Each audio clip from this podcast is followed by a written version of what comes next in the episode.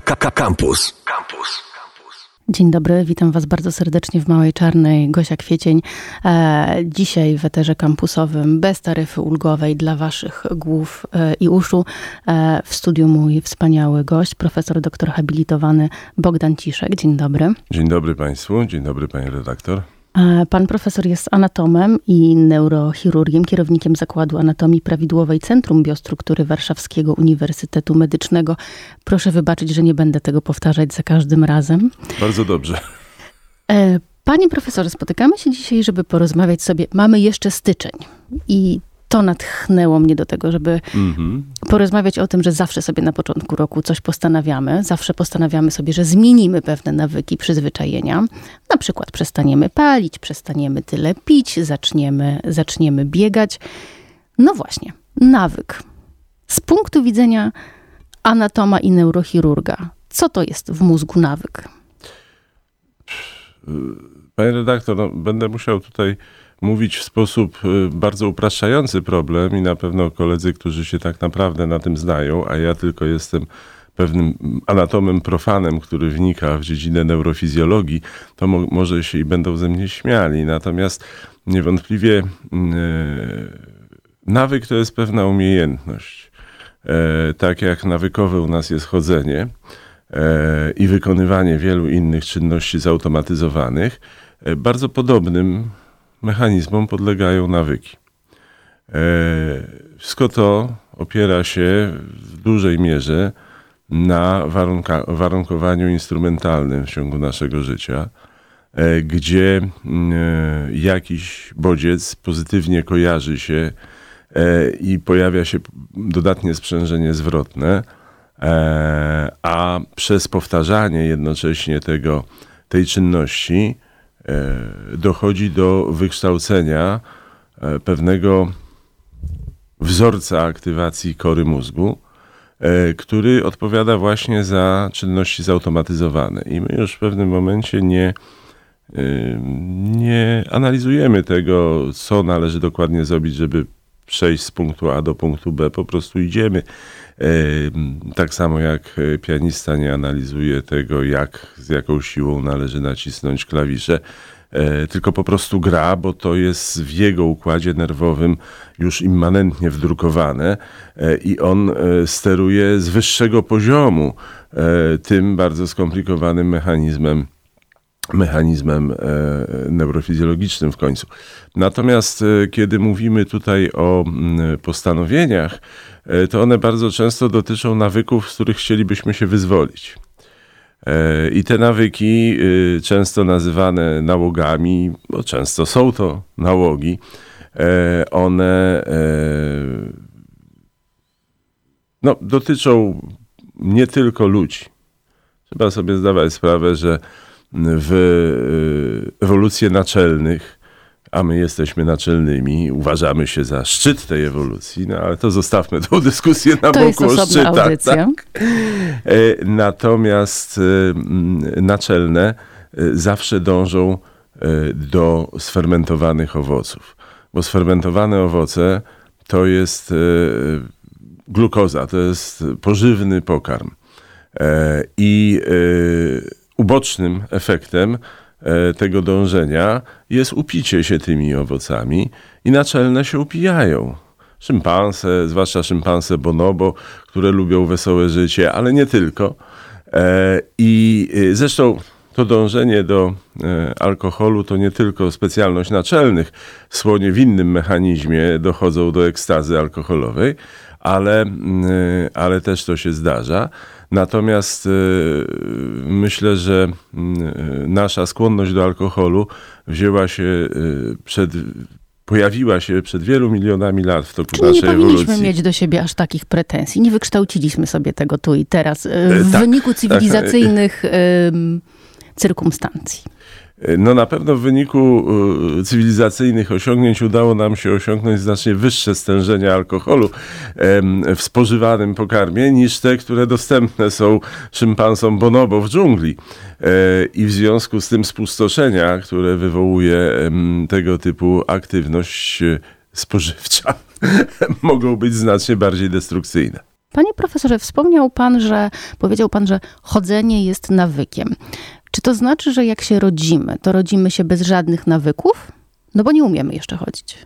Chodzić nie umiemy, ale e, znaczy to też był pewien skrót myślowy, mhm. może za, za duży, e, bo e, mamy do osiągnięcia umiejętności chodu wszystko zaplanowane.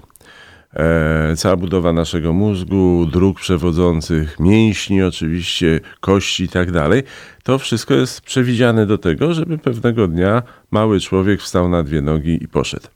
I czasem to się rzeczywiście tak dzieje z małymi dziećmi, że nie chodzi, nie chodzi, nie chodzi, przychodzi ten dzień, psztyk i chodzi. E, I e, to związane z dojrzewaniem układu nerwowego z jego mielinizacją, z osiągnięciem możliwości przewodzenia przez drogę piramidową, która jest podstawową drogą ruchową, osiągnięcia odpowiedniej masy mięśniowej, e, układ równowagi dojrzewa do utrzymania wysoko położonego środka ciężkości przez kolejne etapy. Prawda? Najpierw leżymy, potem siedzimy, to też jest kształtowanie zmysłu równowagi, a potem wstajemy.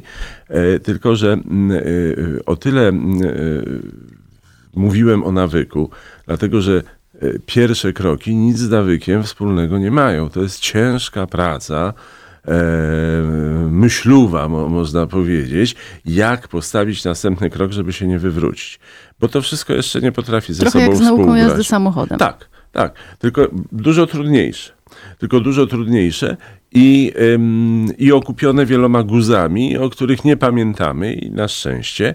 E, natomiast e, w pewnym momencie ten właśnie, jak to się kiedyś mówiło, zestrój ruchowy, który odpowiada za skoordynowane poruszanie się, zostaje zanotowany i odtąd zaczyna działać jako program. On może być oczywiście dalej doskonalony. Program, oczywiście w cudzysłowie, e, i może być doskonalony może też niestety ulec, e, że tak powiem, zaniedbaniu i, e, i, i, jego wykonywanie się pogorszy z różnych powodów, chorób na przykład, które dotykają nas w drugiej połowie życia, byle udar niedokrwienny, no nie byle, bo to przecież często śmiertelna choroba, może kompletnie zniszczyć możliwości ruchowe człowieka, który no, był niezwykle sprawny, grał w gry ruchowe, nie wiem, był tancerzem e, i musi się potem od nowa nauczyć chodzić, dlatego że e, choroba zniszczyła ten magazyn pamięci e,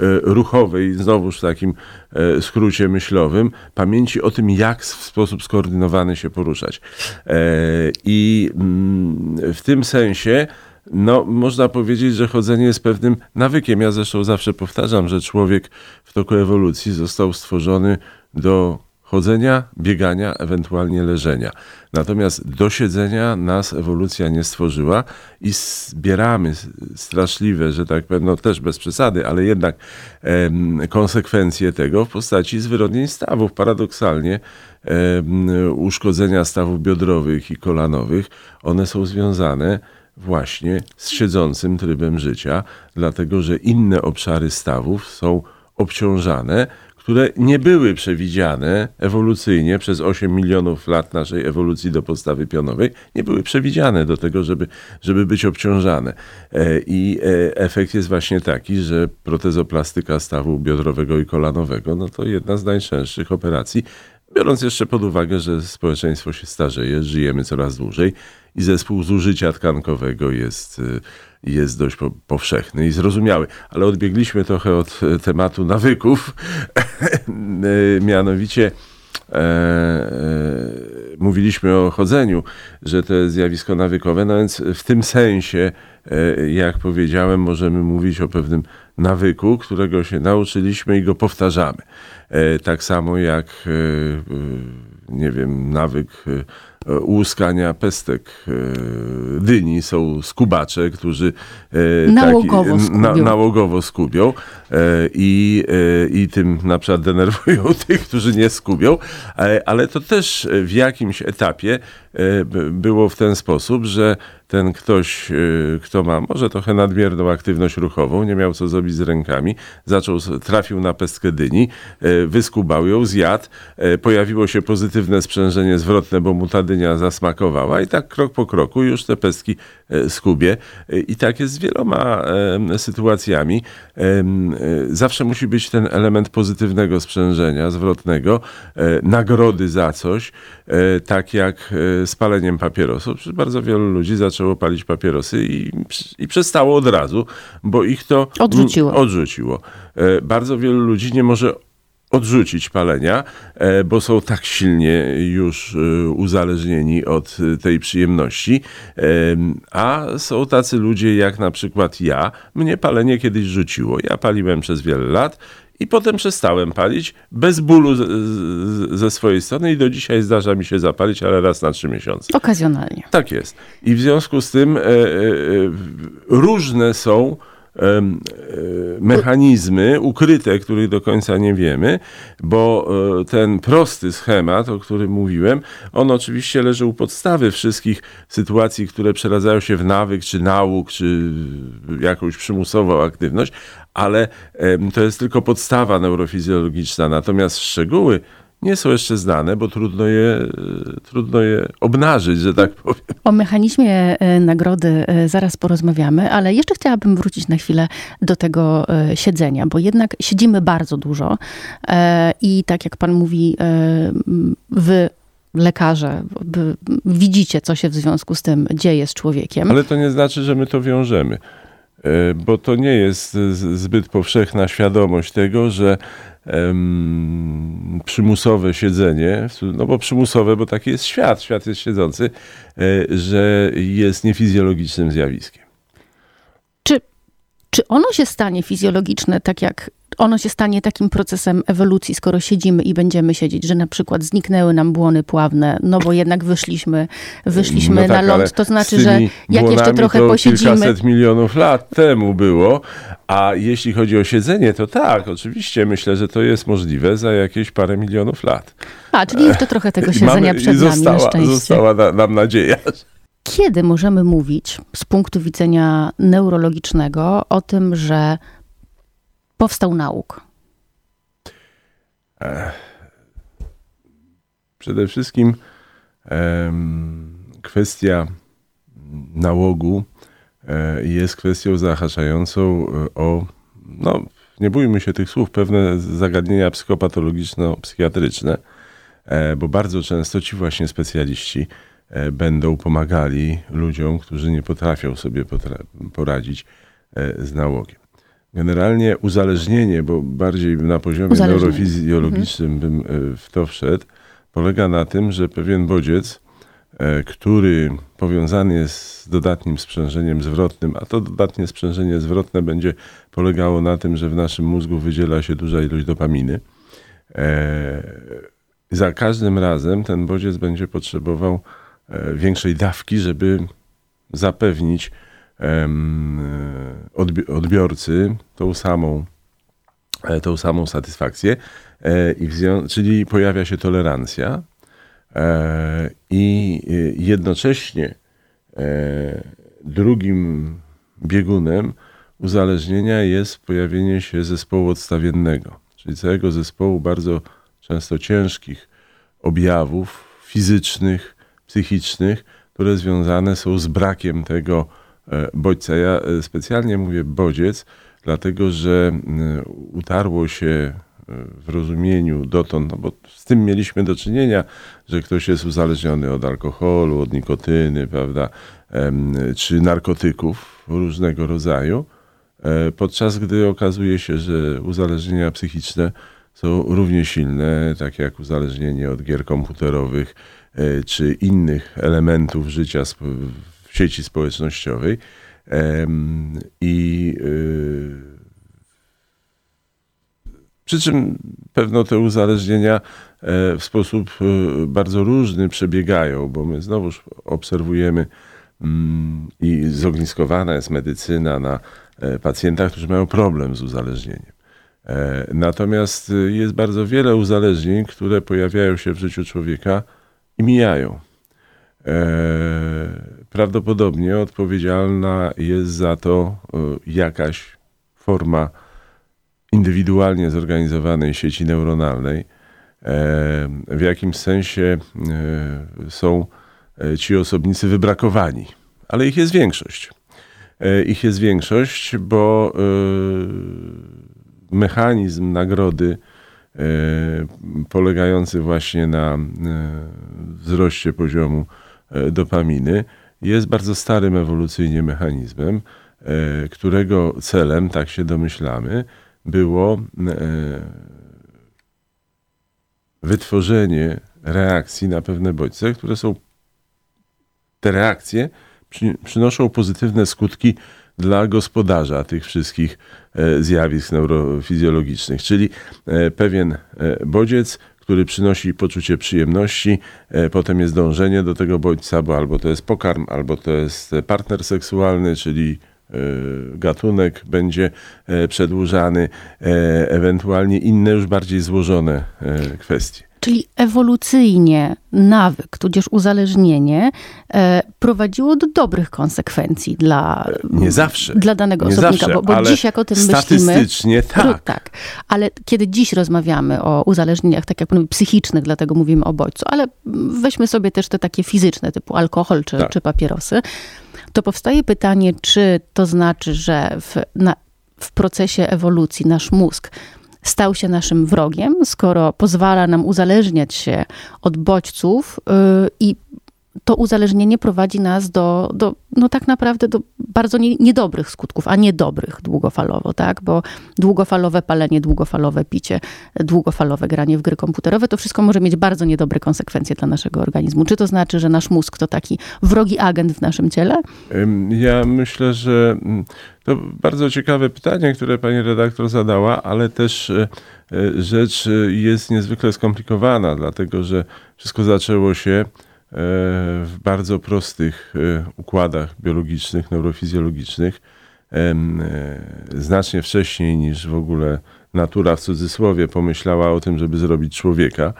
E, I w związku z tym, powiedzmy sobie, na etapie zwierząt podobnych do myszy czy szczura, gdzie wytorowanie pewnych nawyków czy związanych z przyjemnością, no po prostu tym zwierzętom ratowało życie, no bo mogły jeść, mogły się rozmnażać e, i dążyły do pewnych pozytywnych e, z ich punktu widzenia e, rozwiązań. Natomiast to, co dzieje się z nami, to jest e, nieszczęście nadmiaru, a on de richesse ale nadmiaru mózgu po prostu i jego możliwości. E, bo e, życie takiego zwierzęcia, kiedy kształtował się układ na, nagrody, z naszego punktu widzenia było dość proste. A my mamy mnóstwo atraktorów, jak to się mądrze mówi, czyli wabiących nas E, elementów życia, e, które, e, na które mamy w dodatku czas, bo to zwierzątko musiało uciekać przed większymi i w związku z tym głównie uciekało, ewentualnie jadło, a my, no tak się składa, że nie musimy uciekać i mamy strasznie dużo wolnego czasu. Jakkolwiek by to ironicznie nie zabrzmiało, ale poza, e, że tak powiem, spożywaniem pokarmów, żeby utrzymać się przy życiu e, i e, aktywnością seksualną, to jakbyśmy to w 24 godziny, że tak powiem, przeliczyli, to to jest niewielki, niewielki czas na to poświęcony. Cała reszta, powiedzmy sobie na przykład 20 godzin poza snem, to możemy robić co chcemy.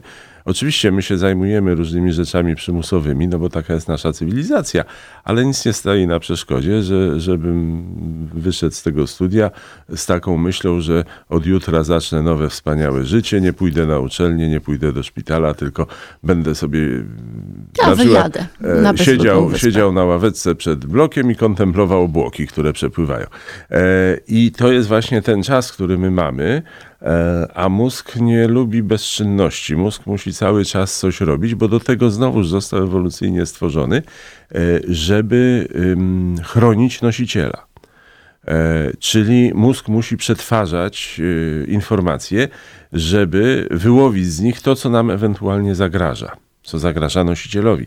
E, I nawet jeśli y, patrzymy na świat i w ogóle nie, nie zwracamy uwagi na to, co widzimy, to mózg i tak nam będzie podpowiadał, że coś widać, że coś się e, pojawiło, e, podsunie nam jakieś rozwiązanie, nie zawsze może właściwe, ale takie, które zwróci naszą uwagę na coś, na co patrzyliśmy, jak to się mówi, bezmyślnie.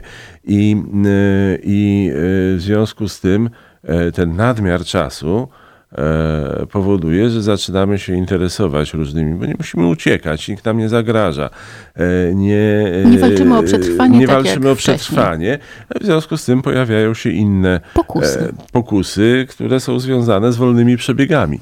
Profesorze, Charles Duhigg w swojej książce Siła nawyku opisuje mm, terapię terapie odwykowe. On akurat pisze o, o, w jednym z rozdziałów o tym, jak wyglądają terapie AA. I okazuje się w kontekście tego, o czym rozmawialiśmy, że my dostarczając sobie pewnych bodźców, uruchamiamy ten ośrodek nagrody, czyli robimy dobrze swojej głowie, dobrze się czujemy, nawet tak. jeśli to jest tylko chwilowe dobre samopoczucie. On w tej książce pisze, że... I tak dlatego, na... przepraszam, że wtrącę, dążymy do powtarzania tego bodźca, co... I potrzeba nam go coraz więcej, tak, żebyśmy tak, się mogli tak, utrzymać w tym tak. stanie, e, tak. który lubimy. E, on pisze, że tak naprawdę te terapie polegają na zastąpieniu jednego bodźca innym bodźcem. To znaczy, jeśli do tej pory robiliśmy dobrze naszemu ciału i naszej głowie pijąc alkohol, to jak sobie pójdziemy na taką terapię AA, wypracowaną, przemyślaną przez Amerykanów, to tak naprawdę uruchomimy sobie ten ośrodek nagrody po prostu czymś innym. Modleniem się, bieganiem w maratonach, jedzeniem słodyczy. Czy to znaczy, że z nałogu nie da się wyjść? Możemy tylko jeden nałóg zastąpić drugim nałogiem, jedno uzależnienie innym uzależnieniem?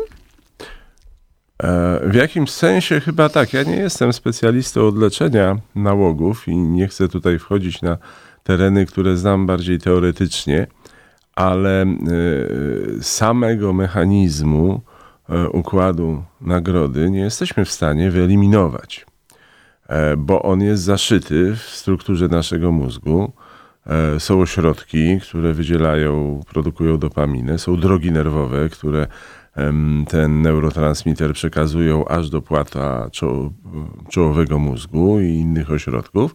E, I w związku z tym to, o czym pani redaktor powiedziała, e, no to jest w jakimś sensie wykorzystanie tego mechanizmu e, poprzez zastąpienie aktywności takiej, która nam szkodzi, aktywnością, która jest obojętna, ewentualnie mm, nieszkodliwa, a jednocześnie dająca y, ten sam poziom satysfakcji. E, e, żeby y, nikt nie próbował e, specjalnie, można zniszczyć układ nagrody, a w każdym razie spróbować wpłynąć, tylko konsekwencje będą bardzo. Zniszczyć e, farmakologicznie, fizycznie? Fizycznie, fizycznie. chirurgicznie, tylko a. że konsekwencje zniszczenia układu nagrody to są e, konsekwencje, bo żebyśmy się dobrze zrozumieli, to nie jest tak, że jest jeden punkt, który odpowiada za przyjemność. Nie, to jest cały szereg struktur. W związku z tym uszkodzenie każdej z tych struktur osobno zmodyfikuje działanie układu nagrody, ale jednocześnie będzie e, powodowało wiele innych efektów ubocznych, bo te struktury nie są tylko od e, dawania nam rzeczy. szczęścia, ale pełnią też inne ważne funkcje w fizjologii naszego mózgu. W związku z tym nie można tak od sobie po prostu wyłączyć. wyłączyć. Zresztą to jest troszeczkę zagadnienie też z dziedziny psychochirurgii. I w związku z tym E, a więc dziedziny bardzo takiej trudnej, która co prawda wraca e, powoli do, do, do łask za, e, za przyczyną zastosowania metod stereotaktycznych, niszczenia bardzo małych obszarów odpowiedzialnych za ściśle określone funkcje. Były próby na przykład związane, to może trochę nie do końca jest dobry dobra analogia. Jest taki zespół wilczego głodu, który związany jest z zaburzeniami równowagi ośrodka głodu i sytości w podwzgórzu. I w sytuacjach skrajnych próbuje się niszczyć elementy podwzgórza właśnie stereotaktycznie poprzez lezje, które tam mają objętość 1-2 mm, czy uszkodzenia tkanki objętości 1-2 mm, po to, żeby ten napęd do jedzenia wyłączyć. I być może można by sobie wyobrazić tego typu y, działania w różnego rodzaju nałogach, ale to jest bardzo, dużo bardziej złożone niż ten prosty przykład z wilczym, e, z wilczym głodem. E, natomiast e, wracając jeszcze do kwestii AA i tych terapii, które są terapiami, powiedziałbym, zastępczymi w jakimś sensie. Tutaj pojawiła się ostatnio o czym ja czytałem w dość popularnej literaturze, e, taka koncepcja e, prowadzenia e, terapii antyalkoholowej, która nie polega na absolutnej redukcji spożywania alkoholu do zera, tylko na wytworzeniu u tego typu pacjentów umiejętności kontrolowanego spożycia alkoholu. E, co oczywiście wywołuje szereg protestów, e, zwłaszcza e, wśród zwolenników i tych, co przeszli tą terapię, gdzie całkowicie odstawili alkohol, no bo to się kłóci z całą ideologią tego postępowania. Poza tym no, znaczna część ludzi, którzy się leczyli w ten sposób, to ma efekt pozytywny, prawda? Nie piją, nie niszczą swojego życia, życia swojego otoczenia e, i w dodatku jeszcze często robią bardzo pozytywne rzeczy, więc e, natomiast to nie dla wszystkich czasem jest, bo wiadomo, że nie wszyscy potrafią odstawić alkohol do zera i w związku z tym trzeba im dać coś w zamian. Albo w zamian w postaci, jak pani redaktor powiedziała, biegania E, czy modlitwy, albo może jakiegoś programu e, samokontroli. E, tutaj podkreślam, nie jestem specjalistą, więc być może dla osób, które zajmują się leczeniem uzależnień, to wszystko, co mówię, jest herezją. Niemniej takie, takie idee też ostatnio się, się pojawiają. I mm, wracając jeszcze, tu pojawił się problem biegania. E, proszę zwrócić uwagę, że bieganie e, może być zastosowane e, na przykład do leczenia depresji, dlatego że właśnie aktywność fizyczna regularnie powtarzana podbija nam poziom dopaminy i co istotne endogennych endorfin, czyli takich substancji, których działanie przypomina trochę działanie morfiny. E, I w związku z tym e, właśnie okazuje się, że że tak powiem, no w cudzysłowie zmuszenie czy nakłonienie pacjenta z depresją endogenną do e, tego, żeby poruszał Pobiegał. się regularnie, tam 10 minut dziennie, potem żeby zwiększał i tak dalej, poprawia wyniki leczenia ale jednocześnie obserwuje się i to ja wiem, bo ja nie biegam, jestem za, za, za gruby i tak dalej. Poza tym no sport, tak jak Churchill mówił. Ale to nie, nie broń Boże, nie, nie propaguje tej, tej doktryny. E, doktryny. Natomiast e, mam wielu kolegów, którzy biegają e, i oni mówią, że to jest jednak rodzaj nałogu. Że to przynosi tak dużą satysfakcję, właśnie satysfakcję samopoczucia, że e, oni zwiększają dawkę biegania e, coraz bardziej, coraz bardziej. Poza tym, ponieważ często biega się w grupie, więc ta grupa się napędza tym, że jest fajnie, że jest fajnie w grupie i tak dalej. E, w związku z tym od razu ten poziom neurotransmiterów odpowiedzialnych za pozytywne do, doznania rośnie. E, czyli od biegania też się można uzależnić. I to troszeczkę wtedy przypomina, oczywiście lepiej biegać niż e, pić nałogowy alkohol, to nie ulega wątpliwości. E, natomiast troszkę to przypomina leczenie dżumy cholerą, e, czy w każdym razie, no. A? Dlaczego? Dlaczego? Co, co w naszym mózgu jest takiego, co nasz mózg tak lubi bardzo, czym się lubi żywić, że łatwiej, jeżeli to nie nadużycie, jeżeli tak jest, że łatwiej i szybciej uzależnić się na przykład od papierosów yy, yy, i alkoholu niż od biegania? Dlaczego częściej Eee. uzależniamy się od szkodliwych rzeczy? A nie wiem, czy częściej się uzależniamy od szkodliwych rzeczy, bo mm, tutaj będę korzystał z danych, które e, jak przygotowywałem się do naszego spotkania, to znalazłem w sieci bardzo dobry wykład profesora Krzysztofa Turlejskiego, który jest wybitnym neurofizjologiem e, i troszkę tam podpatrzyłem danych liczbowych. E, Bardzo to ciekawe, bo okazuje się, że na przykład dobre jedzenie, które no, dla mnie na przykład to jest ogromny Zastępuje atraktor. bieganie. Tak, tak, zastępuje mi bieganie zupełnie. Podnosi poziom wydzielania dopaminy zaledwie około 50%. Seks 100%. Ale potem się zaczyna już, można powiedzieć, jazda po ba- bandzie, bo alkohol 200, e, nikotyna 225, e, kokaina 400, a najlepsza w, tym, w tym wszystkim jest amfetamina, bo to jest dziesięciokrotność seksu, czyli 1000%. E, no i to może jest wyjaśnienie, dlaczego e, narkotyki z tej grupy tak e, chętnie są przyjmowane. E, Dobra statystyka. no, ciekawa w każdym Ciekawa. razie, pokazująca pewne, e, pewne mechanizmy. I teraz znów, żebyśmy nie popadli w herezję, ale jest takie zdroworozsądkowe przysłowie, że wszystko jest dla ludzi, byle w miarę.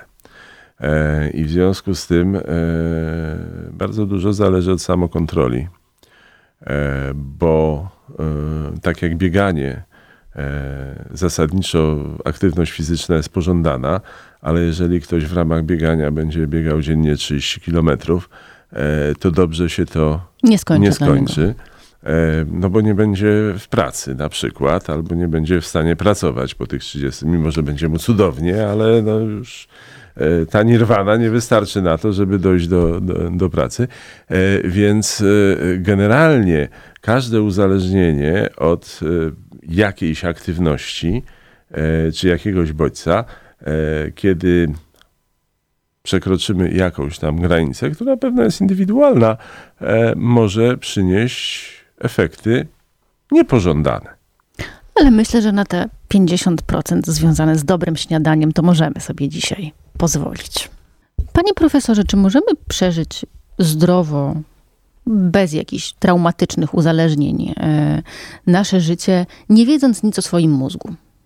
No, oczywiście, że tak. E, W ogóle e, wiedza o czymkolwiek wydaje się dość niebezpieczną rzeczą. I myślę, że bardzo wielu ludzi w ciągu tysięcy lat istnienia gatunku Homo sapiens e, żyło, e, nic nie wiedziało o swoim mózgu. e, Swoje życie przeżyło lepiej lub gorzej i, i już. No bo kiedyś w ogóle nie wiedziano, że jest mózg, ewentualnie wiedziano, że można go zjeść, prawda? I, i to był. I podnieść sobie o 50% y, y, poziom tak, dopaminy. poziom dopaminy. Chociaż, jak wiadomo, ze zjadaniem mózgu wroga, jak też mózgu własnego współplemieńca, e, związane są liczne rytuały no, w różnych, wśród różnych plemion, zwłaszcza mm, w, w Oceanii, bo tam przecież była odkryta choroba kuru związana z przenoszeniem się prionów, e, które no, przenosiły się właśnie, e, ta infekcja prionowa, na skutek zwyczaju spożywania mózgów e, współplemieńców, żeby przeszły te dobre e, elementy ducha, mm, żeby się nie zagubiły. E, No, jest w tym coś, prawda, w sensie czysto, powiedziałbym, filozoficznym. E, mm, Każda, każda kultura tworzy własne e, skrypty e, na różne, mm, na różne sytuacje, na sytuacje ostateczne, na to, jak umieramy, odchodzimy e, i my stawiamy pomniki, e, e, a oni zjadają mózg. I mm, oczywiście, jeśli będziemy chcieli dociekać bezwzględnej wartości dobra i zła, to nigdy się nie pogodzimy, a Po prostu musimy sobie zdawać sprawę, że żyjemy w innym miejscu globusa, w innych uwarunkowaniach i tam te uwarunkowania doprowadziły do takiego zwyczaju, a u nas do takiego i nie wartościowałbym tego, a już na pewno nie mówił, że jedna kultura jest wyższa, druga niższa, bo ten pomysł o tym, że mamy prymitywne plemiona, i, a my jesteśmy tym nośnikiem cywilizacji, to wiemy doskonale współcześnie, czym to się e, skończyło i jaki problem mamy teraz z cywilizacją, e, bo prawdopodobnie gdyby te dzikie plemiona sobie funkcjonowały na Ziemi do dziś, to nie mielibyśmy problemu katastrofą klimatycznego. klimatyczną, prawda, z zatruciem środowiska i tak dalej, e, bo bardzo wiele mm, tych, e, tych grup ludzkich, e, chociażby w Amazonii, potrafi znakomicie zespolić się z przyrodą. Pewno inaczej mają układ nagrody skonstruowany, co in, coś innego stanowi o tym, że, że jest im dobrze. Mają e. ayahuaskę zamiast amfetaminy. Proszę? Mają ayahuaskę zamiast amfetaminy. No tak, tak, tam są inne, inne sposoby podnoszenia sobie e, nastroju, ale też e, trzeba zdawać sobie sprawę z tego, że dla e, e tych grup ludzkich, czy dla tych ludzi poczucie jedności z otaczającym światem biologicznym jest niezwykle ważną rzeczą. E, I oni wtedy uzyskują tą no, możemy to nazwać nirwaną, czy poczucie sensu swojego funkcjonowania. E, natomiast e, naruszanie tych bardzo często precyzyjnie określonych relacji między zwierzęciem a człowiekiem, człowiekiem a drzewem i tak dalej, no, stanowi katastrofę dla ich świata. I, i w związku z tym ten pomysł, że to są dzikie plemiona, to może odłóżmy na półkę e, z historycznymi pracami etnograficznymi. Szkoda, że my tak daleko odeszliśmy od tej, e, od tej natury, choć wcale nie musieliśmy, nawet e, żyjąc w dużych, w dużych miastach jądro ślimakowe, migdałek podniebienny, e, siodło tureckie. To tylko niektóre z części e, anatomii klinicznej głowy e, i szyi, elementów głowy i szyi, które pan opisuje w swojej książce, swojej i profesora Ryszarda Aleksandrowicza, bo, bo tą głową, tym mózgiem i tym wszystkim zajmuje się pan od bardzo, bardzo dawna. Czy ma pan w mózgu jakieś takie swoje ulubione miejsce tajemne, w które się pan najchętniej zagłębia, żeby je poznać, bo jeszcze jest niepoznane? E, znaczy, może inaczej powiedziałbym od strony estetycznej. E, a ta e, strona estetyczna no, związana jest z jednak głównie przeżyciami operacyjnymi, acz nie tylko.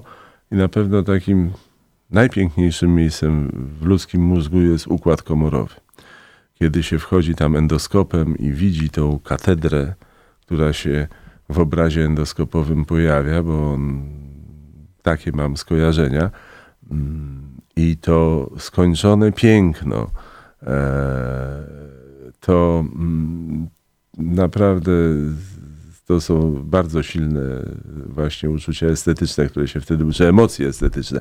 E, kiedyś pamiętam, e, operowaliśmy kanał kręgowy i e, otwarta została opona twarda w ten sposób, że to nie zawsze się udaje, bo opona pajęcza, która jest następna, jest dość dobrze zespolona z oponą twardą i nie zawsze się udaje otworzyć tak, e, żeby warstwa po warstwie było, co nie ma znaczenia z punktu widzenia pacjenta, bo i tak chodzi o to, żeby dotrzeć do rdzenia kręgowego. Więc tak czy inaczej tą pajęczynówkę trzeba przeciąć. Ale wtedy y, tak wyszło, że otworzyliśmy oponę twardą i rdzeń był zatopiony w tej pajęczynówce, otoczony płynem mózgowo-rdzeniowym i to wyglądało tak, jakbyśmy w y, diamencie zatopili kolumnę z masy perłowej, po której biegły takie delikatne czerwone e, linie, to oczywiście naczynia krwionośne. To niezwykle piękny widok był. E, I e, no, cóż mogę więcej powiedzieć? Czy namalował go pan? Nie, nie, nie jeszcze nie. Jeszcze? Ale, ale, e, ale e, też niezwykle piękne są e, pierwsze fazy e, operacji naczyniowych w mózgu, kiedy jeszcze wszystkiego nie, nie, nie popsuliśmy dookoła, bo niestety działanie chirurga to jest psucie trochę. E, Poza tym, że mamy cel i, i, i leczenie, to jednak no, trzeba do tych miejsc dotrzeć, coś przeciąć, coś odsunąć, zniszczyć i tak dalej. Więc potem to pole wcale estetycznie nie, nie, nie, wygląda. wygląda z naszego punktu widzenia, ale początki są wspaniałe po prostu. I mm, e, kopuła tętniaka w powiększeniu mikroskopu operacyjnego z wirującą tam krwią, te naczynia, które tętnią, poruszają się, to rzeczywiście są piękne, e, piękne miejsca. E, No i oczywiście w, w samej anatomii człowiek jest piękny w środku. E, Zawsze ilekroć e, preparuję, wykonuję preparaty anatomiczne, to przychodzi do mnie ta myśl, że człowiek jest piękny w środku, a z zewnątrz niekoniecznie za ozdobny, no więc e, Miejcie- wolę go w środku. Miejcie świadomość, że pan profesor nie mówi o tym, że jesteśmy piękni w duszy. Profesor doktor habilitowany Bogdan Ciszek, anatom i neurochirurg, kierownik Zakładu Anatomii Prawidłowej Centrum Biostruktury Warszawskiego Uniwersytetu Medycznego. Serdecznie panu dziękuję za tę godzinę spędzoną razem. Dziękuję bardzo. Do usłyszenia, cześć. Do widzenia.